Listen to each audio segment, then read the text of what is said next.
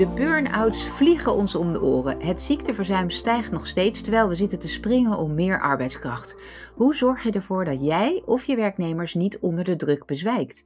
Er is geen one-size-fits-all strategie, zegt onze gast van vandaag, Christiane Vink. Christiane is psycholoog, gaf les aan de Universiteit van Amsterdam en schreef het grote boek of het boek, het grote Hoe ik werkboek. Volgens haar moet iedereen zijn eigen gebruiksaanwijzing vinden. Hoe doe je dat, je eigen gebruiksaanwijzing vinden? En hoe zorg jij ervoor dat jouw werknemers fit en vitaal blijven? Heb je daar eigenlijk wel invloed op? Dit en meer bespreken we vandaag in de Werkprofessor podcast met Christiane Vink. Christiane, welkom. Dankjewel, Wendy. Je zit in de lobby van een hotel in Gent. Dus dat, ja, klopt. Hè, misschien horen we zo direct nog een koffiekarretje langs rijden. Uh, het geluid is misschien niet optimaal voor de luisteraar, maar we vonden het belangrijk genoeg om Christiane nu uit te nodigen. En zijn ook dankbaar dat jij in de kerstperiode dat met ons wil doen. Um, ja. Mijn naam is dus uh, Wendy van Ierschot. En uh, Christiane, mijn eerste vraag aan jou is: waarom moet volgens jou elke ondernemer of elke individu aan de slag met het mm. grote Hoe ik werkboek? Mm. Ja, dat is een hele goede vraag. Um, ik denk dat het voor iedereen, of je nou ondernemer bent of kenniswerker, of samenwerkt met andere mensen, eigenlijk heel goed is om je eigen gebruiksaanwijzing te kennen.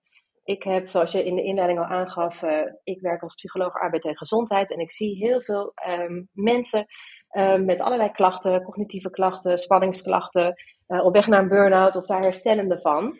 En uh, het is mij opgevallen eigenlijk in de praktijk dat als ik aan mensen vraag, een vraag stel in de trant van: Goh, wat is jouw belangrijkste manier om met stress om te gaan?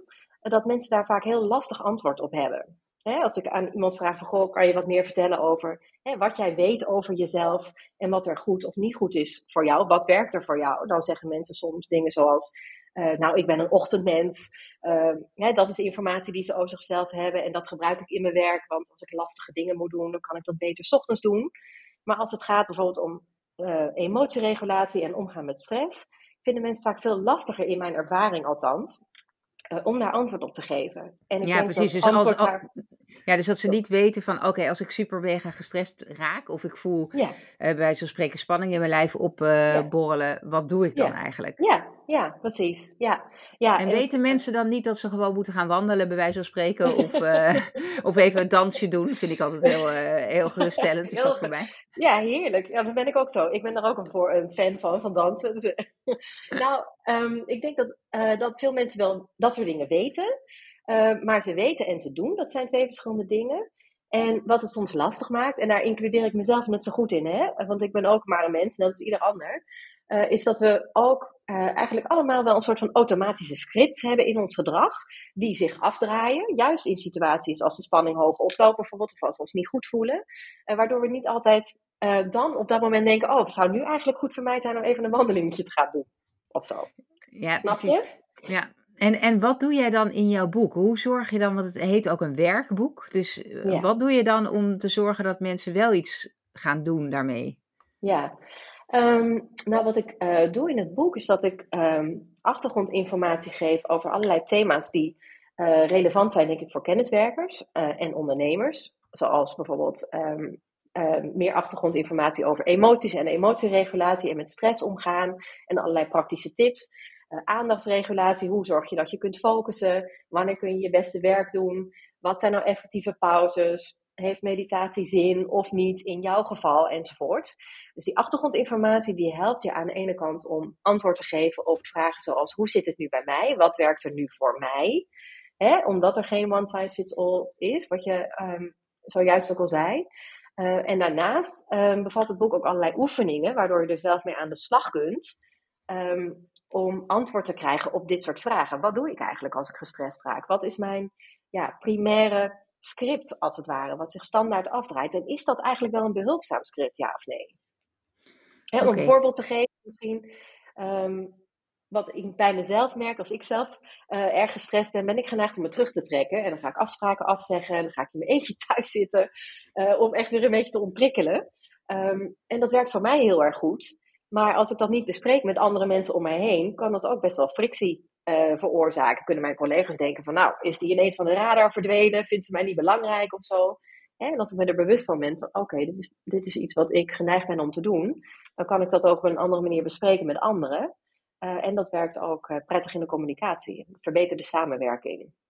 Ja, en, en, en misschien uh, lost het ook wat stress bij jezelf op, zodat je niet hoeft na te denken over dat anderen het vervelend vinden dat jij je even een paar dagen terugtrekt. Ja, precies. Want dat levert ook vaak stress op, hè? dat we de verwachtingen, aan, niet aan de verwachtingen van anderen voldoen. Ja, ja en dan denk ik, kunnen we dit wel maken? Hè, nu leg ik druk op anderen, et cetera. Ja, je hebt helemaal gelijk. Dat soort gedachten komen ook op. Ja. Oké, dus uh, wat je zegt is, ik begin eigenlijk echt met de achtergrondinformatie.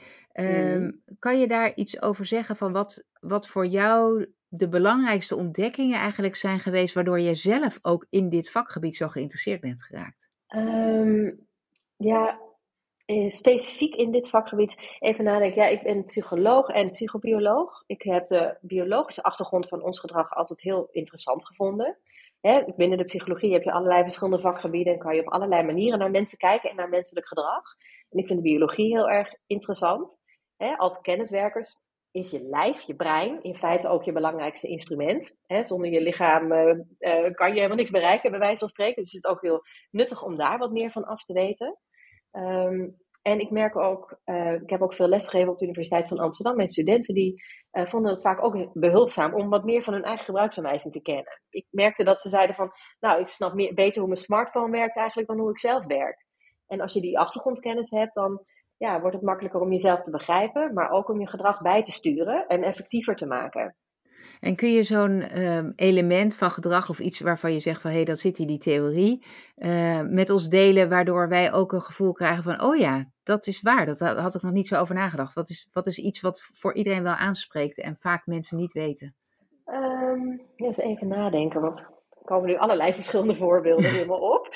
Um, ja, misschien is dat voorbeeld van stress is misschien nog wel het meest aansprekend. In de zin dat um, hè, we als mensen allemaal te maken hebben met stress en bronnen van stress. En wat voor de een stressvol is, hoeft natuurlijk niet voor de ander stressvol te zijn. Maar we hebben allemaal wel iets hè, wat ons spanning kan geven, waar ons thermometer van oploopt. Uh, en ik denk dat er uh, de automatische reacties, de scripts die wij hebben, die zijn ook wel een beetje in te delen in een aantal categorieën die veel voorkomen.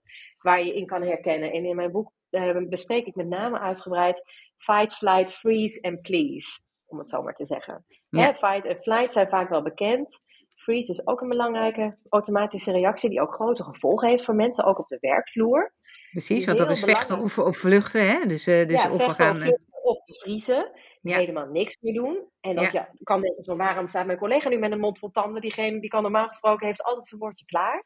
En nu ineens uh, uh, krijg ik helemaal niks meer uit. En dan zijn we geneigd om een beetje bij zo iemand aan de deur te rammelen en wat te willen uitlokken of wat dan ook. Maar dat is vaak helemaal niet effectief als iemand bevroren is.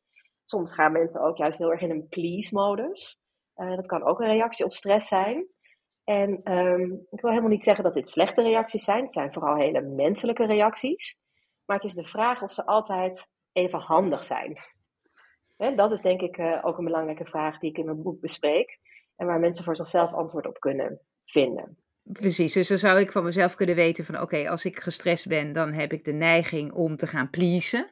Mm-hmm. Juist nog, de, nog meer iedereen, uh, voor iedereen het allemaal goed te willen doen. Ja, en dan zeg ja. jij eigenlijk, oké, dan weet ik, dan word ik me bewust van, van hé, hey, dat is mijn reactie.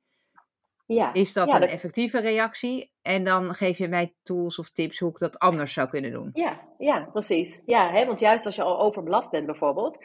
En je wordt gestrest door de hoeveelheid werk die je hebt. En je gaat heel erg pleasen. Je zegt tegen iedereen ja, omdat je iedereen te vriend wil houden. Ja, dan belast je jezelf alleen nog maar meer. Voordat je het weet zit je in een vicieuze cirkel. En klop je bij mij aan omdat je bang bent dat je een burn-out krijgt. Precies. En wat geef je dan bijvoorbeeld een, uh, als tip voor de pleaser? Um, nou, dat is een beetje het punt. Hè? Kon ik dat maar zomaar oplepelen? Ik heb niet een boek geschreven met een stappenplan van als je dit dan doet, dan ben, je er al, ben je altijd beter af als pleaser. Want daar zit een beetje juist ook hè, dat idee van die gebruiksaanwijzing. Er zijn niet tips die voor iedereen werken in dat soort situaties. Dus wat ik doe, is ik geef een heleboel achtergrondinformatie van zo werkt het in je lichaam. Herken je dit? Herken je dat? Dan zou je um, um, ja, deze tip is een, een keer kunnen proberen. En ik leg dat eigenlijk uit aan de hand van het activeren van het kalmeringssysteem in ons lichaam. Um, en dat is eigenlijk echt een kwestie van uitproberen bij jezelf wat er werkt. Oké, want je gebruikt een, een, een, nieuwe term, het activeren van het kalmeringssysteem. Wat is dat, een mhm. kalmeringssysteem? Kalmeringssysteem is een ja, neurologisch systeem, wat wij als mensen allemaal hebben en wat heel veel dieren trouwens ook hebben. Ehm, wat, um, ja, wat we inzetten op het moment dat we ja, eigenlijk actief zijn geweest. We hebben hard gewerkt, uh, we hebben veel eten verzameld, we, we zijn weggerend voor allerlei uh, roofdieren, you name it, enzovoort. En wat onze biologie nodig heeft, is dat we dan kunnen herstellen. Als we niet kunnen herstellen, dan komen we in een soort van ja, roofbouwproces als het ware terecht we kunnen de hele dag actief zijn, maar we hebben het ook nodig bijvoorbeeld om goed te kunnen slapen. Slaap um, activeert ook ons kalmeringssysteem. En ook overdag kunnen we ons eigen kalmeringssysteem aanzetten om ja, beter ja, te alterneren eigenlijk tussen inspanning en herstel, zo gezegd. En dat kalmeringssysteem dat kan op allerlei verschillende manieren geactiveerd worden. Door bewegen, bijvoorbeeld door te dansen, door uh, creatieve uh, dingen te doen, door in je hangmat te hangen, door te mediteren voor sommige mensen. Uh, door te knuffelen. Is, ja.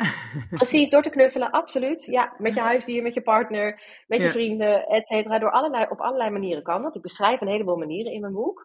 Maar wat er nou precies voor jou, voor Wendy, werkt, ja. ja dat kan ik helaas niet aan jouw voorhoofd zien. dus ik geef jou informatie en ik stel je vragen waardoor je voor jezelf kan bedenken, dit werkte voor mij. Oké. je zei net al van, nou voor mij werkt dansen, nou misschien ook knuffelen. Nou dat, dan, dat is eigenlijk informatie die jij dan al hebt vanuit jouw eigen handleiding. Ja, precies. Dus dat is, uh, ik begrijp heel goed wat je bedoelt met van, oké, een, een, zelfbehulpboek die zegt vaak van, uh, je moet dit doen. Maar jij zegt meer van, hé, hey, dit, is, dit is het palet aan ja, aan, aan uh, aspecten die je zou kunnen inzetten om je kalmeringssysteem meer actief te maken. En kijk eens wat voor jou werkt. Ja, ja, ga het eens uitproberen. Ja, dat is denk ik het belangrijkste. Dat je niet denkt van ik neem het klakkeloos over uit een boekje, want het werkt voor iedereen. Hè? Uit, in wetenschappelijk onderzoek komen we ontzettend veel dingen tegen waarvan we zeggen op groepsniveau is dit effectiever dan dat. Noem maar wat. Hè? A is effectiever dan B. Maar dat betekent niet automatisch dat dat voor jou ook zo is. Ja, dat geeft je een beetje een richtlijn, dat je een beetje weet waar je het moet zoeken. Um, maar vervolgens moet je dat zelf gaan toepassen, als het ware, op jouw eigen systeem, op jouw eigen lijf, in jouw eigen context. Dat begrijp ik heel goed. Wat, hoe zou je dan uh, dat kunnen meenemen als je nu leidinggevende bent en je luistert, of je bent eigen baas en je hebt een paar mensen in dienst? Uh, hoe, hoe kun je deze inzichten uit dit boek meenemen wel weer veralgemeniseerd in je bedrijf. Hè? Kun je, eh, want, want je zegt ook, het boek helpt ook heel erg bij het uh, voorkomen van burn-outs. Um, hoe, hoe, dat, uh, hoe kan je dat meenemen? Ja, ja, nou ik denk dat een belangrijk inzicht uh, voor leidinggevenden ook is, dat voor een leidinggevende is het denk ik belangrijk om je te realiseren dat medewerkers ook verschillend zijn en hun behoeftes verschillend zijn in bepaalde fases, in bepaalde contexten, afhankelijk van hun thuissituatie. Dat als jij denkt van, goh, ik ga iedereen een heel groot plezier doen door een algemene cursus mindfulness uit te rollen over mijn organisatie, ik noem maar wat. Hè, dat er vast een paar mensen zijn die daar heel blij van worden. En een aantal anderen voor wie dat helemaal niks is, maar er andere manieren zijn om hetzelfde te bereiken, bijvoorbeeld. Dus ik denk dat het uh, ook voor leidinggevenden belangrijk is om je te realiseren dat je met verschillende mensen te maken hebt. En dat we eigenlijk alleen maar in interactie door met elkaar te praten, uh, erachter komen, hè, wat zou mij nu goed doen? Hoe zorg, hoe zorg je nu als leidinggevende dat jouw individuele medewerkers kunnen floreren en dat er het beste uit hen gehaald wordt? Ja, dat is een hele leuke uitdaging. Ja. En, en ja, had je niet de neiging in dat boek om toch in een soort types terecht te komen? Van nou, je hebt de dansende, knuffelende types. En je hebt de mindfulness types met meditatie. En je hebt de, hè, om, om, om toch naar een soort indeling te gaan. Ja, nee, nee, nee. Die neiging die had ik niet. Nee, nee. Ik denk dat dat Um, ja, dat, dat is juist, hè, die, um, dat is ook iets wat bij ons mensen past. Dat is ook iets, hè, een trekje uh, wat ingebakken zit in ons brein, dat we het proberen te versimpelen, zodat we grip kunnen krijgen eigenlijk op de situatie. Hè, dat is juist iets wat je ontzettend veel in boeken ziet en, en hè, in stukken die je leest en podcasts en dergelijke. Dat we het versimpelen omdat we er grip op willen krijgen. Maar de werkelijkheid is nou eenmaal vaak complex. Mensen zijn ingewikkeld. En hoewel we op een heleboel manieren op elkaar lijken, zijn we ook in een heleboel manieren echt verschillend. En ik denk dat het belangrijk is om daar ook aandacht voor te hebben. En ik geloof ook dat dat kan. We hoeven het helemaal niet extreem te versimpelen en inderdaad in types te belanden, zoals jij bent rood en ik ben blauw, of ik, ik maar wat. Hè? Dat is misschien soms best behulpzaam, maar ik denk dat als het gaat om ja, de thematiek die ik bespreekbaar maak in mijn boek, dat dat, ja, dat, dat niet behulpzaam is. Ja, uh, ja die, die types die, van rood en blauw, ik denk dat dat levert vooral ook veel communicatiemateriaal op. Hè? Dus op basis daarvan kun je beter met elkaar communiceren van, oh ja, ik ben meer dat type, dus daarom irriteer ik jou zo. Uh, maar dat komt omdat jij een ander type bent en, uh, en daarom irriteer je mij ook. Dus. Ja, ja, precies. Maar weet je wat dat bij mij roept dat dan ook weer irritatie op, eerlijk gezegd. Dan denk ik, nou, lekker is dat. Jij ziet mij als rood, ik noem maar wat. Ik weet eigenlijk niet precies. Uh, ik word gelijk in een hokje geduwd door jou. Ik ben wel meer dan alleen maar dat of zo. Hè? Dus, dus natuurlijk kan het ook zeker helpen, dat geloof ik ook. Um, maar uiteindelijk is het denk ik geen vervanger voor echt, echt naar elkaar luisteren. En geïnteresseerd zijn in het verhaal van de ander. Wat zie je eh, als het gaat, hè, wat ik begon de, de inleiding over, uh, nou, hoe, hoe, hoe zorgen we nou dat we dat ziekteverzuim terugdringen en die burn-outs? Uh, Ik hoor jou zeggen, het is in ieder geval belangrijk dat iedereen voor zichzelf begrijpt, hoe werkt het bij mij? En mm. wat heb mm. ik nodig om, uh, ja, om mijn stress te reguleren. Uh, Maar je, je, je hebt ook een aantal klachten die mensen krijgen. Hè? Dus, dus mensen mm. kunnen gespannen zijn, minder aandacht hebben voor dingen, zich niet tevreden voelen. Mm. wat, wat, hoe kun je als persoon weten van dit is het moment waarop ik echt meer aandacht moet gaan besteden aan mijn eigen gebruiksaanwijzing leren kennen? Um, ik ben bang dat in de praktijk er heel vaak op neerkomt dat mensen ermee aan de slag gaan op het moment dat ze klachten krijgen. Dat ze niet zo lekker meer in hun vel zitten. Dat ze zich vragen gaan stellen over: is dit het nu in mijn leven, of mijn baan, of mijn relatie, uh, et cetera. Dat dat vaak uh, aanleiding is om te starten met zoeken. Um, maar dat hoeft natuurlijk niet zo te zijn. Hè? Ik denk dat iedereen zijn voordeel ermee kan doen.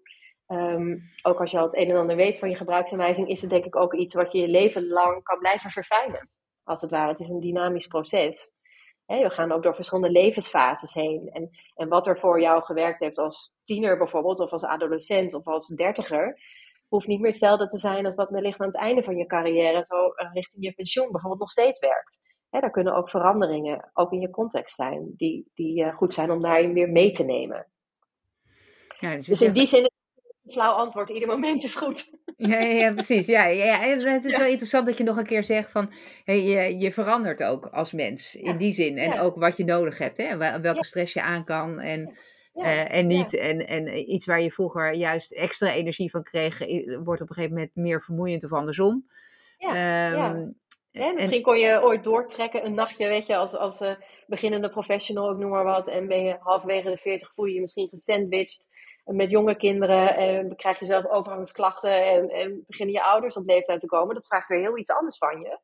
Hè, dan ehm, wanneer je kinderen uit huis zijn en de wereld weer aan je voeten ligt. Of hè, ik noem maar wat. Daar, daar, daar, zit gewoon een app en vloed in die, die ook bij het leven hoort, bij mens zijn hoort. Ja. ja, en ik vind het zelf ook interessant om te zien. Ik ben nu uh, net 50 geworden. Of in, mm. net in de 50 geworden. En, mm. en ik merk uh, dat, dat ik bijvoorbeeld vroeger veel minder uh, rust kon vinden. Ook om bijvoorbeeld stukken echt goed te schrijven. En oh, om daar nog een keer naar te kijken, nog een keer naar te kijken, nog spe specifieker te maken. Dus dat vind ik zelf ook heel opvallend van iets waar ik. Nou, twintig jaar geleden was ik er veel te onrustig voor om daar aandacht aan te besteden. Terwijl ik er nu heel veel plezier in heb. Dus dat het ook je, je, ja, wat, wat je leuk vindt om te doen, uh, kennelijk zich ontwikkelt. Ja, uh, en daarmee ook uh, ongetwijfeld de dingen waar je wel of geen stress van krijgt. Ja, zeker. Ja, ja. dus daarin, daar, dat, dat is een heel mooi voorbeeld, denk ik, van blijf jezelf observeren. Hè? Wat werkt er nu voor mij in deze situatie, onder deze omstandigheden? En dat kan en dat mag veranderen. Hm. Als je, als je nadenkt over wat je nu hebt geschreven, hè, wat, wat zou je hmm. het liefst willen dat mensen onthouden van je boek? Hmm. Ehm, ja, ik denk dat wat ik heel fijn zou vinden als uh, mensen me zouden mailen na het lezen van het boek, zouden zeggen van nou, ik, ik merk dat ik echt mijn eigen gebruiksaanwijzing meer heb kunnen inkleuren door je boek. Ik snap nu beter waarom ik me zo gedraag in bepaalde situaties zoals ik doe. En ik, ik, ik kan dat nu ook anders doen. Ik ga niet meer automatisch in dat standaard script, wat vaak helpt, maar lang niet altijd helpt, zo gezegd. Dat zou ik heel fijn vinden als mensen dat zouden zeggen. Mhm. Ehm, en en ehm, ja, ik denk dat het, ik zou het ook heel fijn vinden als mensen zeggen, ik kan nu met meer mildheid eh, en met tevredenheid en met compassie naar mezelf kijken en ook naar anderen. En, en hè, de verschillen tussen ons allemaal zien en, en die ook vieren, zo gezegd. Het een is niet beter dan het andere, het is gewoon anders. Het is een andere kwaliteit. En, en laat je daar ook iets van theorie naar voren komen over die eigenlijk die compassie voor die verschillen oproept? Ehm, ja, dat denk ik wel. Een van mijn psychotherapeutische specialisaties is compassiefocused uh, therapie. Mhm. En daar maak ik ook gebruik van in het boek. Daar geef ik ook een aantal oefeningen voor die je daarmee kunnen helpen. Wat, wat is Ehm, dat? Ehm, nou, bijvoorbeeld eh, een aantal ademhalingsoefeningen die je kunnen helpen om bij jezelf in te checken en op een liefdevolle, steunende manier naar jezelf te kijken. Terwijl we heel vaak gewend zijn om veel meer vanuit een kritische blik naar, naar onszelf te kijken en het niet snel goed genoeg te vinden. En ik wil helemaal niet propageren dat, het, dat ambitieus zijn niet goed is, hè, of dat je niet het beste uit jezelf mag halen. Maar je kan dat doen als het ware door jezelf een schop onder je kont te geven en, en eh, met een gezel op de rug te slaan, als het ware. Of op een motiverende, steunende manier het beste uit jezelf halen. En dat maakt een wereld van verschil ook voor hoe je je voelt. Ja, dus jij geeft een aantal oefeningen die ook meer in die eh, hoek zitten. Waardoor je Ja, meer aantal. compassie met jezelf krijgt en daardoor Ja. waarschijnlijk ook meer compassie met anderen. Ja, ja, ja, dit zijn de voorbeelden daarvan. Hm. Ja, klopt. Wat vond je het Ja. lastigste in het schrijven van je boek? Ehm, het lastigste. Nou, ik moet eerlijk bekennen dat het schrijven eigenlijk best heel erg vlot ging. Ehm, ja, tot mijn eigen verbazing. Ehm, misschien omdat ik er al zoveel jaren mee bezig was, dat ik op een gegeven moment dacht van ja, nee, nu is het misschien klaar om op papier te zetten. Maar ja, ik, ik hoop eh, eh, dat ik de juiste toon aansla waar mensen wat aan hebben. En, en ja, het, het, ehm, de- er zijn al diverse mensen geweest die het gelezen hebben, die me daar positieve feedback op hebben gegeven. Maar het moet natuurlijk eigenlijk wordt het vandaag gelanceerd, als ik het goed heb. Ja, Dus ja, de, de, die, dat bewijs moet nog komen eigenlijk. ja precies. Je, hebt al, eh, je had een aantal mooie quotes, ook van een aantal ondernemers die eh, gebruik hebben gemaakt van jouw methode. Ehm, Mhm. Wat is denk je hetgeen wat u het meest aanspreekt in je boek? Ehm, wat ik het vaakst terugkrijg, is dat ik complexe informatie eh, simpel heb weten te maken, maar niet te simpel. Hm. Ehm, ja, dus ik zou zelf zeggen, misschien op een lichte manier heb weten te maken, waardoor je ja, eh, ook een vertaalslag tussen theorie en praktijk kan maken. Ik denk dat dat heel belangrijk is als het Ja. om dit soort thema's gaat. Je hebt het in je boek ook over twee typen breinen die we gebruiken. Het ene is het emotionele brein en het andere het aandachtige brein. Dat is een voorbeeld, denk ik, van eh, een theorie die heel complex is en die je hebt Mm. geprobeerd wat, Mm. ehm, ja, wat toegankelijker ehm, te Ja, maken. dat is een metafoor. Ja. Precies. Kan je eh, vertellen hoe je die metafoor gebruikt? Ehm, ik denk dat, eh, ja, de, en, en de metafoor werk ik iets verder uit in de metafoor die eerder is gebruikt door professor Jonathan Haidt. Eh, ik hoop dat ik zijn naam goed uitspreek. De, de olifant en zijn berijder. Ehm, en dan wordt de olifant eigenlijk gezien als ons emotionele brein, waar heel veel automatische scripts zijn opgeslagen die ons gedrag sturen, die bepalend zijn in hoe we met emoties omgaan, bijvoorbeeld op de werkvloer, maar ook daarbuiten.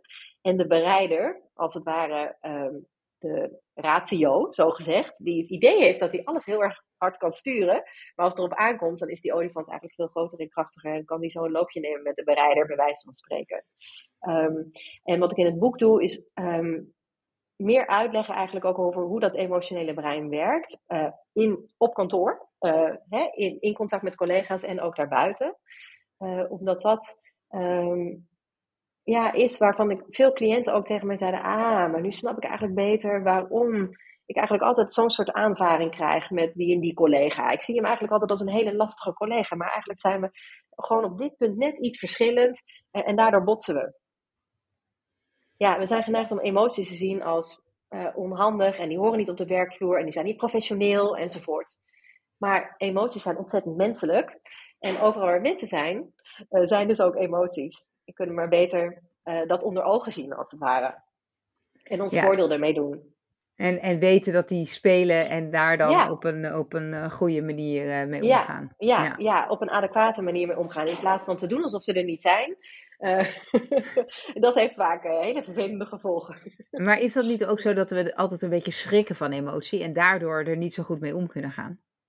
Ja, ja dat, dat denk ik ook. Ik denk dat we geneigd zijn om het te willen wegdrukken, hè, achter tot een grendel te houden, of dat we onze emotie bewaren voor thuis. En dan leven we ons uit op de hond thuis of op je partner of wat dan ook. Als we op een effectievere manier met emoties op de werkvloer zouden omgaan, zouden we er minder van schrikken. En zouden we ook meer ons voordeel ermee kunnen doen. Want emoties zijn ook heel erg nuttig. Het zijn hele nuttige raadgevers die ons iets vertellen over hoe het met ons welbevinden gesteld is. En kan je daar een voorbeeld van geven om mee af te sluiten? Dus hoe ik, eh, welke emotie ik eh, effectief kan inzetten?